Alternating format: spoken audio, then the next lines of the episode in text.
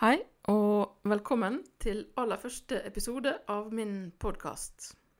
Jeg heter Manuela, og første gjest ut er sosialantropolog, professor, forsker og forfatter bl.a. Thomas Hylland Eriksen. Du kan jo få lov å fortelle litt hva du er opptatt av akkurat nå. Jo, jo, nå skal du høre. Altså, eh, jeg er da eh, og har i mange år forsket på akselererte endringer i verden. Altså, jeg har alltid vært fascinert av hastighet og akselerasjon. Eh, og det er nå slik at i det moderne samfunn, hvis vi nå sier at det moderne samfunn begynte omtrent ved den industrielle revolusjon for et par hundre år siden, så har ting gått fortere og fortere og fortere. Altså, transport, kommunikasjon, produksjon, effektivisering, logistikk, altså alle disse begrepene har i grunnen vært med oss eh, helt siden eh, dampmaskinen og toget og, eh, og, og dampskipet. Så akselerasjon og gjøre ting fortere, at ting skal skje fortere, det har vært en viktig del, har nesten vært en del av ryggraden i det moderne samfunn. Ja. Og jo mer hastighet vi får, desto mer hastighet vil vi ha. Det går aldri fort nok. Det er alltid litt for seint. Vi prøver alltid å gjøre ting litt fortere. Og dette har jo dels å gjøre med behovet for økonomisk vekst, rett og slett. Så, eh, fordi jo fortere man gjør ting, desto mer rekker man å produsere. Så det er, det er innrammingen for min interesse for, eh, for koronakrisen. Eh, og det som jo har skjedd nå, er at en verden som da har vært overopphetet på mange måter, altså jeg bruker det begrepet overheating, overoppheting, for å snakke om disse akselererte endringene. Altså, overoppheting eh, det er jo på en måte et begrep hentet fra fysikken. ikke sant? I fysikken er varme og hastighet to sider av samme sak. Ja. Så når ting går fortere og fortere, så blir de, så blir de overopphetet. Og Det som da skjedde med hensyn til uh, dette koronaviruset, var at plutselig, og egentlig nesten uten forvarsel, så ble verden veldig fort nedkjølt. Altså Plutselig gikk den fra fast forward til uh, slow motion. Alt gikk mye langsommere. Mye stoppet opp. Hjulene sluttet å gå rundt. Og hvis de fortsatte å gå rundt, så gikk de rundt på en veldig mye langsommere måte. Og så jeg er da interessert i å altså, følge med på dette rett og slett, og observere og prøve å finne ut hva dette gjør med verdenssamfunnet, med sivilisasjonen, hva det gjør med mellommenneskelige relasjoner, og hva det gjør med oss som individer. Så dette er stort. ikke sant? Alt ja. blir berørt nå av koronaviruskrisen. Hele verden blir berørt av det. Så du og jeg har aldri opplevd noe lignende. Nei. Men hvordan, eh, hvordan, bør vi legge om uh, måten å leve på, sånn, mener du? Ja, jo det, det, Der har vi flere muligheter, vet du. Fordi um, vi har blitt tvunget til å senke tempoet. Det var jo ikke noe som noen ønsket. Det er ingen som drømte om at det skulle komme et virus som skulle få slutt på luftforurensningen i kinesiske storbyer, eller, eller få oss til å bruke mindre fossilt brennstoff. Det er ingen som ønsket at det skulle skje på denne måten. Men nå har jo denne situasjonen da oppstått. Og da må vi jo prøve å utnytte de mulighetene som finnes. Og uh, For meg har det da vært lenge uh, åpenbart at et av problemene med den overopphetede verden, et av de største problemene, er jo klima og miljø. Altså Vi ødelegger jo miljøet. Og, mm. og det gjør vi på veldig konkrete måter. Vi utrydder dyrearter, ikke sant? hogger ned regnskog, forurenser havet, slipper ut en masse plast. og forgifter uh, matjord, alt dette her. Men i tillegg klima, ikke sant? som er mye større og mer langsiktig. Eh, men det er noen andre ting også. Så jeg pleier å si, pleide å si før koronakrisen at nå må vi, vi må cool down, slow down and scale down. Altså kjøle oss ned, senke tempoet og skalere ned. Og ja. nå har vi fått muligheten til å gjøre akkurat dette. Så uh, etter min mening så bør vi gripe denne muligheten, nå som vi har dette vinduet, hvor vi ikke helt vet hva som kommer til å skje, til å tenke om det ikke går an å gjøre ting på en annen måte. Ja. Sånn med tanke, tanke på um, uh, borgerlønn, uh, det er litt sånn nysgjerrig på hvordan du Er det gjennomført? Ja. Jo, borgerlønn kan nok være en bit av dette her. Uh, jeg ser at min utmerkede kollega Kalle Mone, som er professor i økonomi på Universitetet i Oslo, som lenge har vært interessert i fenomenet borgerlønn, eller Universal basic income, som det heter på, på engelsk. Altså, jeg tror kanskje det er bedre å kalle det minimumsinntekt, ja, fordi borgerlønn høres så borgerlig ut. på en måte. Ja, det er jo litt sånn. Men uh, la oss kalle det minimumsinntekt. Han har lenge vært opptatt av det, og han uh, sa jo ganske tidlig denne krisen for ca. en måned siden, skrev han i Dagens Næringsliv at uh, ja, kanskje, kanskje nå er tidspunktet for å innføre borgerlønn. Og grunnen er at vi Det er ikke sånn nå at vi har valget om å tenke annerledes eller tenke utenfor boksen eller tenke kreativt på alternative løsninger eh, på verdenssituasjonen. Men eh, vi har ikke noe valg. Vi er nødt til å gjøre det. Og da blir det slik at forslag som har vært regnet som urealistiske og utopiske og unødvendige i alle år, som har å gjøre med å oppfylle noen av klimamålene, kanskje. Hvor politikere og næringslivsledere alltid har snakket seg bort fra det. ikke sant? Og, og, og vist hvor, hvor, umulig det er å få det til. Eller å innføre en minimumsinntekt. Som ikke er, det er, snakk om, det er ikke snakk om hundretusener av kroner i året. Det er snakk om noen penger som gjør at du får eh, den tryggheten som gjør deg i stand til å ta noen valg. Um, at det plutselig blir realistisk. Fordi, tenk bare på det. Hvor stor er arbeidsløsheten i Norge akkurat nå? Jeg tror vi snakker om en 10-12% og den er økende. Mm. Så så høy har ikke arbeidsløsheten i Norge vært siden før annen verdenskrig. Um, I USA ser vi jo noen tall som er helt hinsides. Det snakker om uh, var det 28 millioner, det siste tallet jeg så, og det fortsetter å øke. Så uh, det er ganske store deler av økonomien som nå ligger med brukket rygg. Og da blir spørsmålet skal vi bare prøve å få den opp på skinner igjen, slik at vi kan fortsette som før?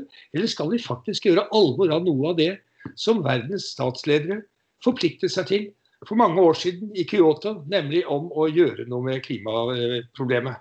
Og jeg velger jo det siste. ikke sant? At nå kan vi faktisk gjøre noen sånne ting. Og borgerlønn vil jo da være en av mange brikker som vi kan få på plass eh, når vi nå er i denne litt sånn ubekvemme, usikre, bekymringsfulle situasjonen. Ja, det er vel flere land som har prøvd Eller var det, var det Finland? Som ja. hvordan det, vet du noe om hvordan det har gått? Altså Det som har vist seg, er nok at uh, minimumsinntekt eller borgerlønn uh, det har vist seg å være mest effektivt. Det har gitt størst resultater i de landene hvor folk har minst fra før av. Uh. Og det er jo egentlig naturlig. Så man har prøvd i Namibia f.eks. I Nepal har man okay. gjort forsøk med det. Ja. Og ikke, ikke, snakk veldig, igjen, ikke, snakk om veldig store summer. Ikke sånn at du liksom bare kan legge deg i hengekøya og vite at pengene strømmer inn, men akkurat nok til at du kan investere i såkorn. Du kan kanskje kjøpe deg en vannbøffel. ikke sant? Eh, du kan eh, få tatt opp et lån sånn at du kan utvide eh, jordstykket ditt og dyrke litt mer mat. Og Der har det gitt veldig stor uttelling. I den finske situasjonen så tror jeg at eksperimentet var nok litt for begrenset. Det var litt for få som var med på det. Og det varte litt for kort tid til at vi kan trekke noen slutninger av det.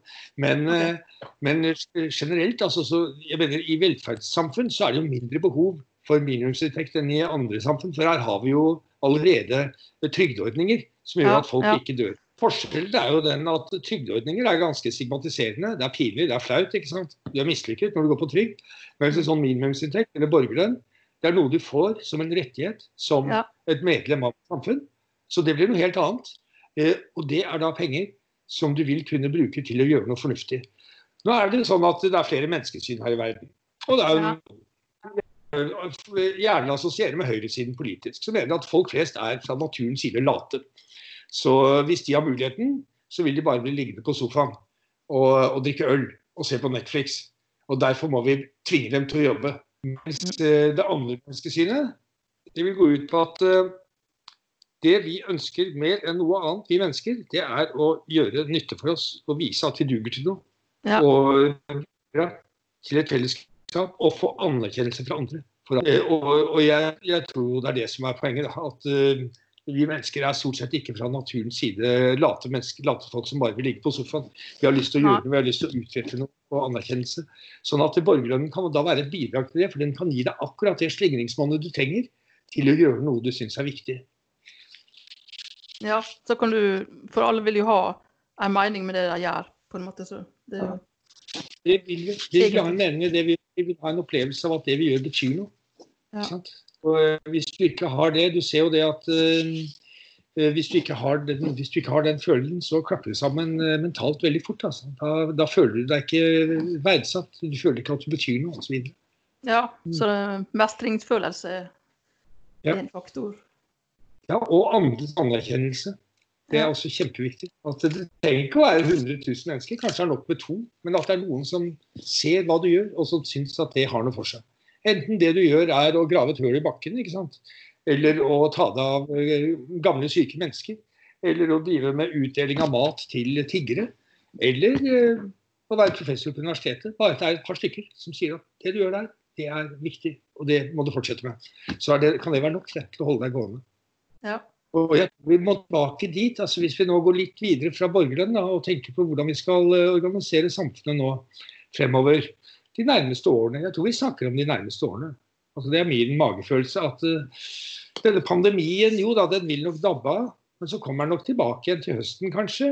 Og det vil være en frykt og en bekymring knyttet til smitte og virus som sitter i en god stund og som gjør at uh, ganske store deler av økonomien ikke kommer til å komme på skinner enn slik jeg har vært vant til det. Så jeg har bl.a. ganske mye kontakt med, med folk på Seychellene, en øygruppe i Det indiske hav, mm. som har to inntekter. Og det er tunfisk. De har en, fremdeles en tunfiskfabrikk hvor de lager sånn tunfisk på boks. Okay? Og så er det turisme. Og det er stort sett turisme. Ja. Så de har jo da nettopp lagt frem et alternativ til et revidert eh, nasjonalbudsjett for 2020. De har nødt til å gjøre det, ikke sant? Hvor de i stedet for da å budsjettere med 4% vekst, så budsjetterer de nå med 13% nedgang. Altså Vi snakker om en seriøs nedgangstid. Eh, og det, det, er bare ett av mange eksempler. Poenget er at eh, nå kan vi, kan vi, og må vi tenke litt annerledes om økonomi, fordi det ikke går på skinner. Vi må tenke på hvilke oppgaver som må utføres, hvordan man skal få betalt for det, eh, hvordan folk skal få den opplevelsen av at de inngår i noen sammenhenger som er meningsfylte. Økonomien vi har hatt nå de siste 40 årene, siden sånn rundt 1980, den har for en stor del dreid seg om å gjøre allerede meningsløst rike mennesker enda rikere. Altså Det ser vi på tallene. ikke sant? Altså, det har vært et voksenskap mellom de superrike og folk flest, som stort sett har stått på stedet hvil, og noen steder er blitt fattige. Så i stedet for å tenke på økonomien som et middel til å gjøre meningsløst rike mennesker enda rikere, så kunne vi se på økonomien som et middel til å tilfredsstille menneskebehov. behov. Altså det vi snakket om, det å føle at du gjør noe meningsfylt, det at det, det du gjør betyr noe, og det å være noe for andre. En annen type. Mm. Ja. Hvor lenge tror du vi må, eller må belage oss på å, um, hva er den situasjonen vi er nå, sånn framover? Jeg vet ikke. Altså, det er det ingen som vet. Men uh, uh, altså, disse, ja, disse, tidsperspektivene forskyver seg jo litt hele tiden. Ja. Og man får veldig motstridende meldinger. altså Hvis man leser og det tror jeg mange av oss gjør, man leser avisene eh, stort sett på nettet, så blir man jo liksom helt sprø etter hvert. Fordi det står så mange motstridende ting der om at nå går det ja. bedre, og nå går det dårlig. Og, og, nå skal vi åpne opp, nei, nå skal vi lukke igjen. Ja, liksom... Og på universitetet hvor jeg jobber, så fikk vi først beskjed, og det var da torsdag 12. mars, fikk vi beskjed om at nå stenger universitetet, og det skjer i dag. Så dere må komme innom og hente Oi. dere skal ha bøker klokken seks. For da blir det stengt. Okay? Men, men, det åpner igjen, sa de. Det åpner igjen 14. april. Rett etter påske. Det skjedde ikke. Nei. Og vi fikk beskjed om at det ikke skjedde. Alle skjønte bare at det kom ikke til å skje. Og nå snakker de om Nå fikk vi nettopp en mail fra rektor på universitetet om at vi må nok belage oss på digital undervisning til høsten også. Det er ikke sikkert. Sannsynligvis. Og hvordan det vil gå med fotballkamper, med konserter, med debattmøter, eh, gudstjenester, ja. Eh, store bryllup. Eh, jeg tror at eh, vi snakker om i hvert fall neste vår. Det er min magefølelse. Okay. Så, og da har det skjedd mye. For da har vi befunnet oss i denne tilstanden litt sånn til og fra, med litt åpning og litt lukking, som, har, som vi har sett fra Singapore og og noen andre steder hvor de åpnet opp, men så lukket igjen. Fordi eh, viruset begynte å spre seg da, veldig fort da de åpnet opp. Så vi kommer nok til å ha litt stopp. Åpne opp i sommer, og så stenger vi igjen til høsten. Eh, det er min, eh, liksom mitt stalltips, da, uten at jeg kan si noe sikkert. Men at uh, denne usikkerheten og det at vi har et delvis lukket samfunn, et samfunn som så å si går for halv maskin eller til og med kvart maskin, det er nok, da snakker vi om et års tid. Og da må vi spørre oss hva kan vi utnytte disse mulighetene til? Altså denne påtvungne langsomheten. Oh. Ja, ja. ja. Eh, jeg er sikker på at du også har tanker om dette. Jeg vet at du driver også med langsomme ting som, eh, som er karbonnøytrale, og, og, som ikke krever all verden av investeringer når det gjelder infrastruktur og sånt. Men eh, la oss prøve å tenke på hva det er som gir livet mening. Da. Hva er det som betyr noe? Hva er det som er viktig for oss? Og kanskje vi oppdager det i større grad nå enn det vi gjorde da alt gikk på skinner. At vi halset omkring. Nå har vi mye tid til å pusle. ikke sant? Jeg lager surdeigsbrød, og jeg er ute i hagen og klipper busker. Det gjorde jeg før også, men eh, det får en annen betydning nå. Det å være sammen med familien din, det er de få menneskene du har lov til å være sammen med. Ja. Eh, det kan bety noe som du ikke visste Du visste ikke hvor viktig det var før nå. For nå merker du hvor stor betydning det har i en krisesituasjon. Så vil du oppdage hvor viktige sånne ting er. Og også andre langsomme ting. Som å ja, lese bøker, høre på musikk, eh, gå turer. Eh, Alt dette her. Det er ikke produktivt. Det bidrar ikke til bruttonasjonalprodukt, men det kan bidra til å gjøre livet bedre. Og det er ikke sikkert at det vi trenger akkurat nå, er enda mer økonomisk vekst. Nei. Nå har vi jo sett hvor det har brakt oss. Altså, du er en del yngre enn meg. Jeg er vokst opp på 1970-tallet. Norge var ganske rikt, da, men ikke søkkrikt. Vi hadde ikke noe olje ennå. Vi hadde det fint. vi. Manglet ingenting. Vi måtte spare til ting. Og vi hadde ikke råd til liksom, fem sydenturer i året, og sånt, men vi hadde kanskje råd til én ferie. Og den satte vi veldig pris på. Sportsbutikkene var sånne bitte små sjapper med disk, hvor du måtte si til han som sto bak disken hva du skulle ha. Samme med elektriske forretninger. Lurte på om du hadde fått inn noen høyttalere. Jo, så her skal jeg gå på lager og se hva vi har. Og det var helt fint. Og det, mitt poeng er at det er ikke sikkert at det vi trenger for å øke livskvaliteten nå, er enda mer forbruk. Nei. Kanskje det er helt annet. Eh, Det er jeg ganske overbevist om. Og jeg håper at veldig mange av oss vil oppdage det i denne si, påtvungne langsomheten sant, som vi nå er blitt eh, kastet, som har fått kastet etter oss. Da. Ja. Kanskje det egentlig var på tide å roe ned litt. Jeg tror det var på høy tid å roe ned litt. Det, det var selvfølgelig synd at det skjedde på denne måten. Ja. Men det kan hende det ikke var noe alternativ. fordi eh, nå har vi jo snakket om altså, eh, folk som da er opptatt av f.eks. klima og miljø.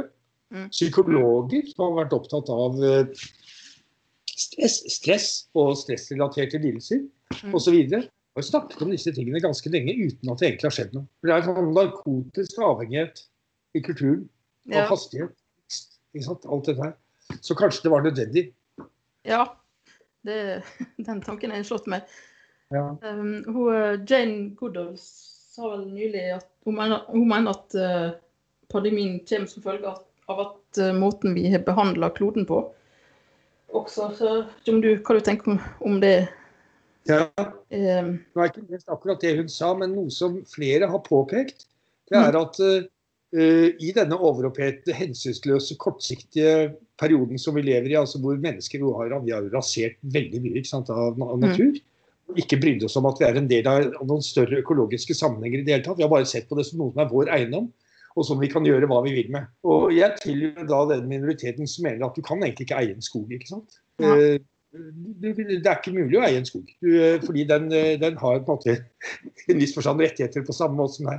Men vi oppfører oss som om de tilhører oss, og vi kan gjøre hva vi vil med dem. Og I denne perioden har vi jo da tatt knekken på det aller meste av ville dyr. Nå er det sånn at eh, Av pattedyrene så er det nå 4% som er ville. 36 er mennesker, og de resterende 60% er våre husdyr. Stort sett griser og, og, og storfe. Og, og det, jeg kan tenke meg at noe av det Jane Goodall eh, har hatt i tankene Hun er jo gammel primatolog. ikke sant? Hun er jo da Mm. verdensberømt for sin forskning på og for så vidt det jeg som antropolog vil kalle deltakende observasjon blant sjimpanser. Det er nok at vi har ødelagt så mye av dyrenes naturmiljø. Altså Vi har jo drept de fleste av dyrene, da. men de som er igjen, de har også mye mindre plass. Så det blir tettere kontakt mellom mennesker og ville dyr. Dette har jeg faktisk selv sett da jeg gjorde feltarbeid i Australia for noen år siden i et gruveområde, hvor gruven drev og ekspanderte. Og så var det noen folk som bodde eh, ikke så langt unna, og de fikk stadig ville dyr inn i hagen sant, som de ikke hadde sett før. Fordi det ikke var noe plass lenger til dyrene der ute. Så det, det er noe som flere har påpekt, at den, disse såkalte zoonomene, altså eh, sykdommer, virus som overføres fra dyr til mennesker, at Ja. det kommer til å se. Og de, Ja, det, de vi har hatt før du, i nyere tid, ebola, aids osv., har vært overført fra dyr til mennesker. ja det, det var noe jeg tenkte jeg skulle spørre om. For det var vel en representant fra Verdens helseorganisasjon som mente at så lenge vi fortsetter å spise kjøtt, det er jo litt kontroversielt, men så vil det, det fortsette med altså å komme pandemier. Eh, Ja. Det er jo vanskelig å svare kanskje på det, men eh, Det er det vanskelig å svare på. Eh, Det kommer jo an på hvor mye kjøtt man spiser og hvor stor plass dyrene tar. Eh, Jeg ville vel sagt heller på en slik måte at så lenge vi fortsetter å ødelegge eh, økosystemer, naturlige habitater for dyr, så, så vil det bli stadig tettere kontakt mellom ville dyr og mennesker. Og de ville dyrene er jo egentlig ikke laget for og interessert i kontakt med mennesker, og da vil det gå gærent. Ja. Da vil vi få sånne overførte sykdommer. Hvis man skal hjelpe dyr i sin evolusjon, er det da, må vi da ta kontakt, eller ha kontakt med dem? Ellers ja, Jeg tror ikke de trenger vår hjelp. Jeg tror de skal få lov å være i fred. Hvis, det var jo en som foreslo på siden, eh, James Lovelock, som var en var, er, han er snart 100 år gammel, en visjonær, eh, sånn eh, frittenkende person omkring sånne ting som har å gjøre med natur og miljø. Det var han som på 1960-70-tallet innførte Gaia-hypotesen. Altså det at vi kan betrakte hele kloden som en gigaorganisme. Han mente ikke at bokstavelig talt var det, men at vi kan se på den som en organisme.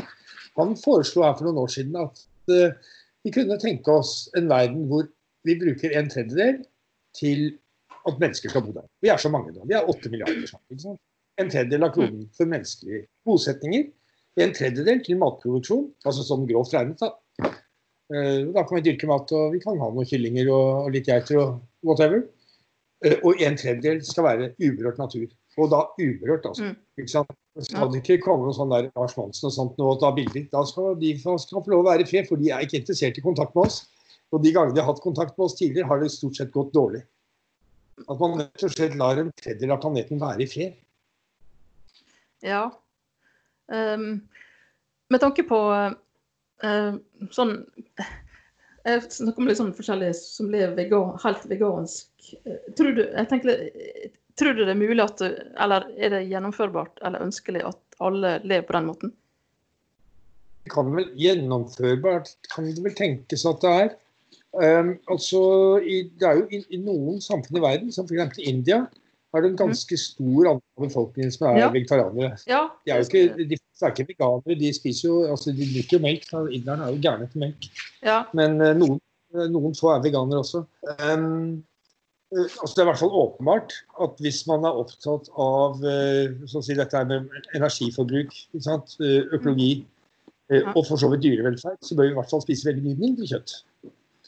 Det, det tror jeg nok ingen kan være uenig i.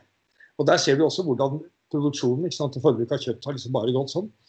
Og nå vil alle kinesere ha biff, og det er med på å forklare hvorfor regnskogen Amazonas forsvinner. Så det er noen sånne sammenhenger som vi ikke ja. kan se bort fra. Enig. Men dette, er, dette blir vet, altså, Jeg er ikke sikker på om dette er en sak å fremme uh, så veldig politisk, fordi folk tar det veldig personlig. Det ja, ja det er litt sånn Ser det. Mange reaksjoner rundt omkring på akkurat ja. den. Folk reagerer veldig personlig. Hvorfor er det sånn? Mm. Er det fordi tror, man tror man mister noe? Eller ja. Nei, jeg tror det har å gjøre med at mat er veldig intimt. Det er veldig personlig. Ja. Akkurat som at man legger seg opp i andres barneoppdragelse. Det oppleves som et personangrep. Hvis du, hvis du kritiserer folk for hva de spiser. Så jeg ville tro at uh, da er det bedre å se på de store strukturelle tingene. F.eks. gå inn for et skattesystem, et avgiftssystem, som favoriserer sant, en mer bærekraftig uh, måte å leve på. Uh, altså At man gjør det den veien i stedet for å gå på hin enkelt og granske hjerte og nyrer og moralisere. For da vil folk, mange vil reagere med piggene ut. Det vet vi. Såpass ja. mye vet vi om psykologi. Ja. Um, sånn eh, farm sanctuaries, jeg vet ikke om du har hørt om det? Der man har dyra til de blir gamle. Ikke for å ete dem, men for å ha kontakten med dem. Liksom. Ja, nettopp.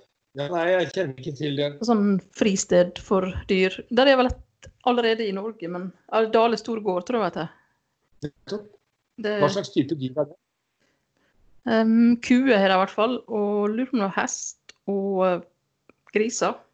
Ja, riktig. Men det er kun fordi de liker å ha dyr, ikke fordi de skal liksom ha dem som mat. Ja, tenker, er, ja, ja. Uh, tenker, er det framtida? uh, det høres noe ut. Ikke minst fordi de, de husdyrene som, som vi lever med nå, de er jo alle bevisst for å være til nytte for mennesker.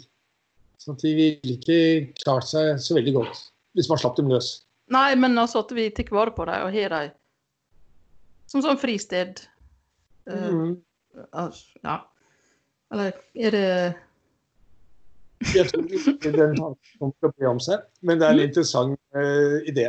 Jeg tror ikke det kommer til å bre om seg, men det er en interessant idé. Ja, ja nei, det, det har vært litt sånn debatter i sånn vegetargruppe rundt omkring på Facebook som jeg har sett. Og det, jeg syns det var litt sånn interessant. da. Mm. Å leve med dyr uten at de skal måtte være At de skal bli til nytte for deg, på en måte. For at du, mm.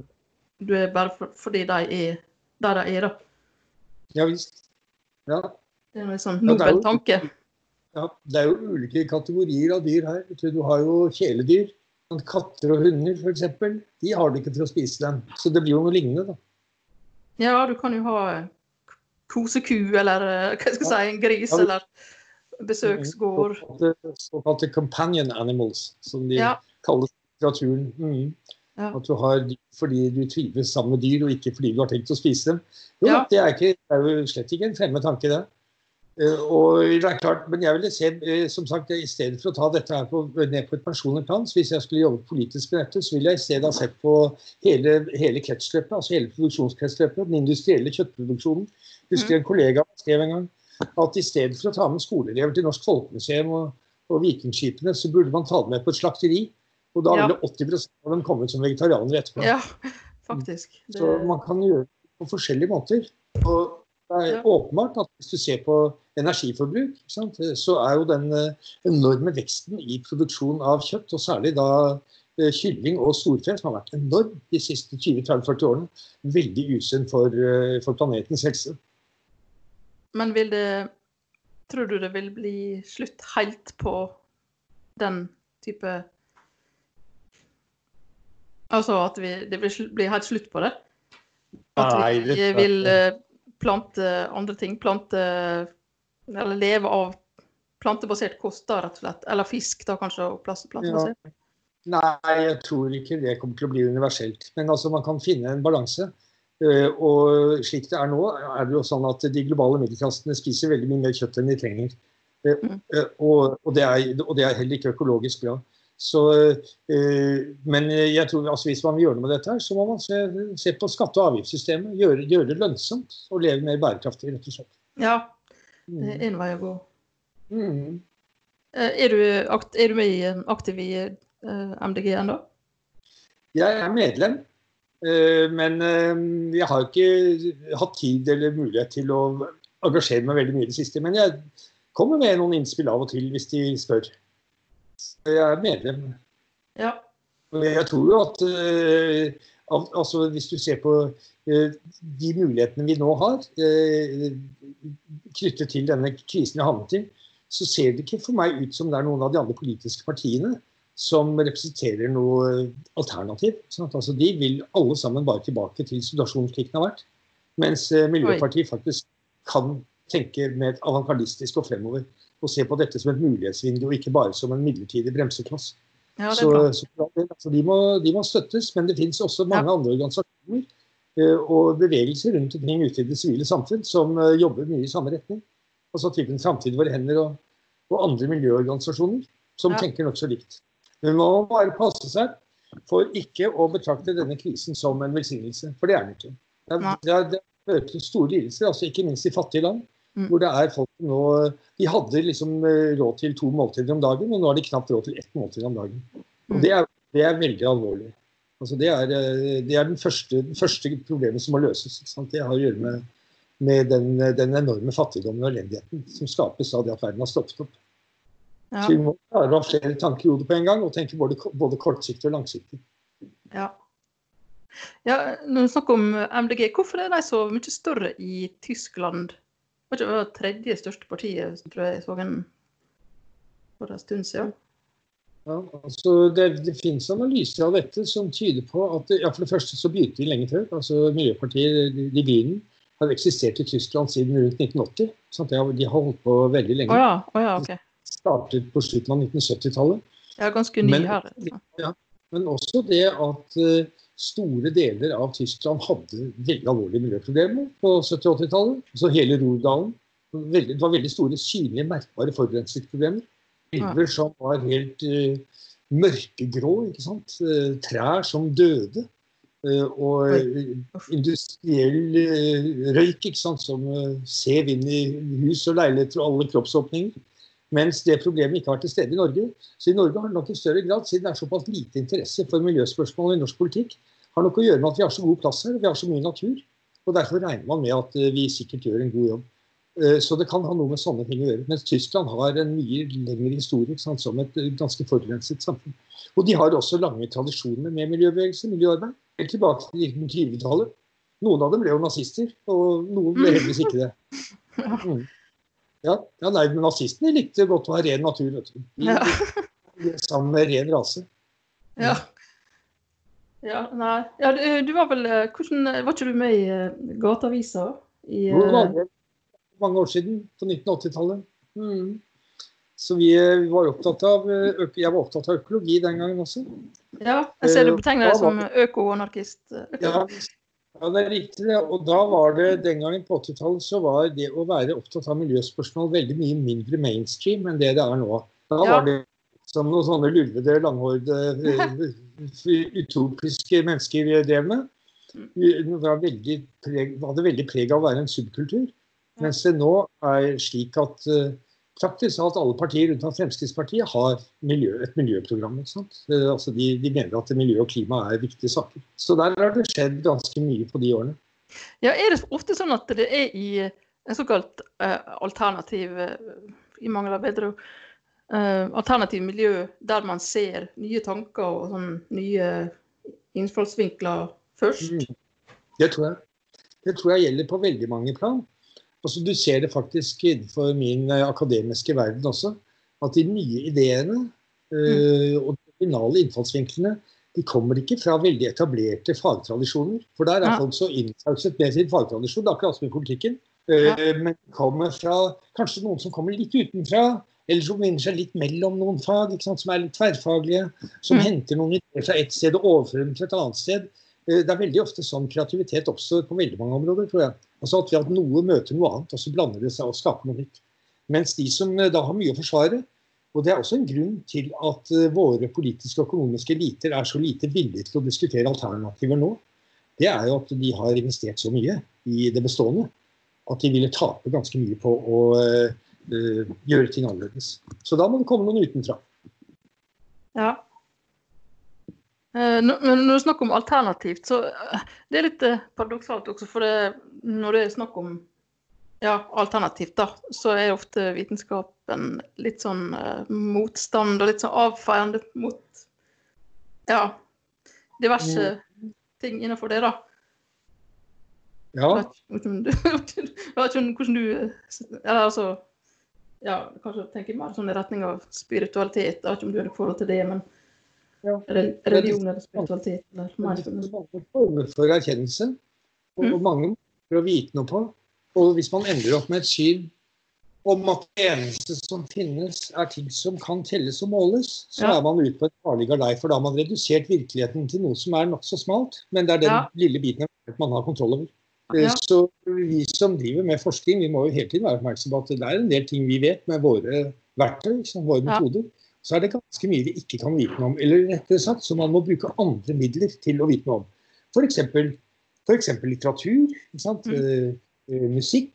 Uh, det å gå turer i skogen, det kan gi deg en type innsikt som du ikke får ved å lese bøker. Så der er det nok slik at mange av de som driver med vitenskap, er litt forelsket i sitt eget perspektiv og nekter for at det finnes noe utenfor. Ja, det Jeg tenker som vitenskapsperson så bør du vel kanskje ha en viss nysgjerrighet, da. Eller det er jo ja. ja. Og ydmykhet, tenker jeg. Absolutt. Eh, det er riktig. Eh, problemet der, eh, altså Det er flere problemer. Et av problemene er at man blir begrenset av de metodene som er anerkjent, som er akseptert. Altså Du er en del av en tradisjon innenfor vitenskapen. Ja. Og hvis du da skal gjøre andre ting, så må du gå utenfor. Du får ikke inn altså du får ikke inn noe som er helt annerledes i en etablert vitenskapelig tradisjon. I hvert fall ikke uten videre. Det er en, det er en lang kamp. Og dette har det også for vært skrevet om. Hvordan skifter, hvordan endres paradigmer. Og det er alltid mye motstand, og de blir latterliggjort. Ja, og, blir, ja. Og så går det en stund, og så eh, vil man da, neste generasjon vil da motvillig ikke sant, akseptere forandringer. Mm. Ja, men hvorfor er det sånn? Det har jo med eh, de, de, at vi bruker de verktøyene vi har. Altså, Ja. vi, vi konstruerer verden på vår måte. Og vi, vi, eh, vi, bruker de, vi bruker de redskapene vi har. Og jo mer du har investert i noe, desto mer skal det til for at du skal forandre mening. Og Det er også derfor det ofte er slik at det er unge folk som kommer med nye ideer. Så Tenk på denne klimabevegelsen nå hvor Greta Thunberg er en gallionsfigur. Ja. Det, er, det er tenåringer. Og en, en viktig forklaring på at de kan være såpass radikale og konsekvente, det er at til forskjell fra min generasjon, så har de investert veldig lite i det bestående. De har ikke sånn, eh, lang utdannelse, jobb, boliglån, ikke sant. eh, Hus og hytte og bil. Og, og, del de er ikke en del av alle disse nettverkene som utgjør den globaliserte økonomien. Så de kan faktisk se for seg en situasjon hvor ting blir helt annerledes. Og det er mye vanskeligere jo lengre tid du har vært inne i et system, og jo mer du har investert i det. Det skal mye mer til. Så er, hva er det som får folk til å skifte mening? Jo, det må være at du har eh, Enten at du får en helt ny erfaring, eller at du eh, eh, eller, eller at, at du er såpass ung at du har fremdeles har fleksibiliteten. Og der er jeg også tenker at Den situasjonen vi nå befinner oss i, hvor det er en del ting som er nullstilt eh, pga. de store økonomiske krisene og, og alt som har skjedd i samfunnet for øvrig, så, så befinner hele verden seg nå i en slik situasjon. Hvor det faktisk er mulighet, eh, muligheter til å gjøre og tenke litt annerledes. Ja. Men det er, ikke, det er ikke noe som kommer av seg selv. Jeg hører av og til folk stille spørsmål av typen hvordan blir verden etter koronakrisen? Og det er egentlig ikke et gyldig spørsmål. Fordi verden gir ikke verken det ene eller det andre av seg selv. Det er mennesker som skaper den verden, ikke sant? og de kan gjøre Ja. forskjellige ting. Opp til hver enkelt. Ja, Det er riktig. Eh, Mitt budskap er at dette er en forferdelig situasjon, men vi kan eh, sørge for at det kommer noe godt ut av den ved at alle gode krefter samles og at vi tenker oss ordentlig godt om og, og prøver å gjøre verden til et litt bedre sted etterpå. Ja. Alle kan gjøre litt. Mhm. Der hvor vi er. Gjøre så godt vi kan der hvor vi er. Mm. Ja. Tenkte litt på dette med reising og sånne ting. Tror du det blir mindre av i framtida generelt, Ja. eller er det bare for en kort periode, og så vil alt gå Eller tror du det Ja, vi vil Ja, det tror jeg definitivt. Eh, og det har å gjøre med eh, frykten. Eh, altså at det å reise vil bli forbundet med risiko. Det vil bli mer ubekvemt. Det er knyttet til bekymringer, rett og slett. På en helt annen måte enn det det har vært det vi har, måten vi har vært vant til å reise på nå de siste tiårene. Så det vil bli litt sånn som det var kanskje i 1920-årene, 1930-årene. At det vil være dyrere, mer tungvint og forbundet med en type risiko. Så eh, turisme vil ikke forsvinne, men det kommer ikke til å bli det samme igjen. Ikke på lang tid, og kanskje aldri. Nei. Nei. OK. Ja, nei, men da har jeg vel egentlig Mm. fått eh, masse, masse gått gjennom masse her. Takk for at du stilte opp som første gjest. Ja, men det var hyggelig, det. Tusen takk skal du ha. Sikta høyt. Det var morsomt, det. Så ha det bra. Jo da. Takk. Ha det bra. Fortsatt god ettermiddag. Ha det fint. Takk, takk samme.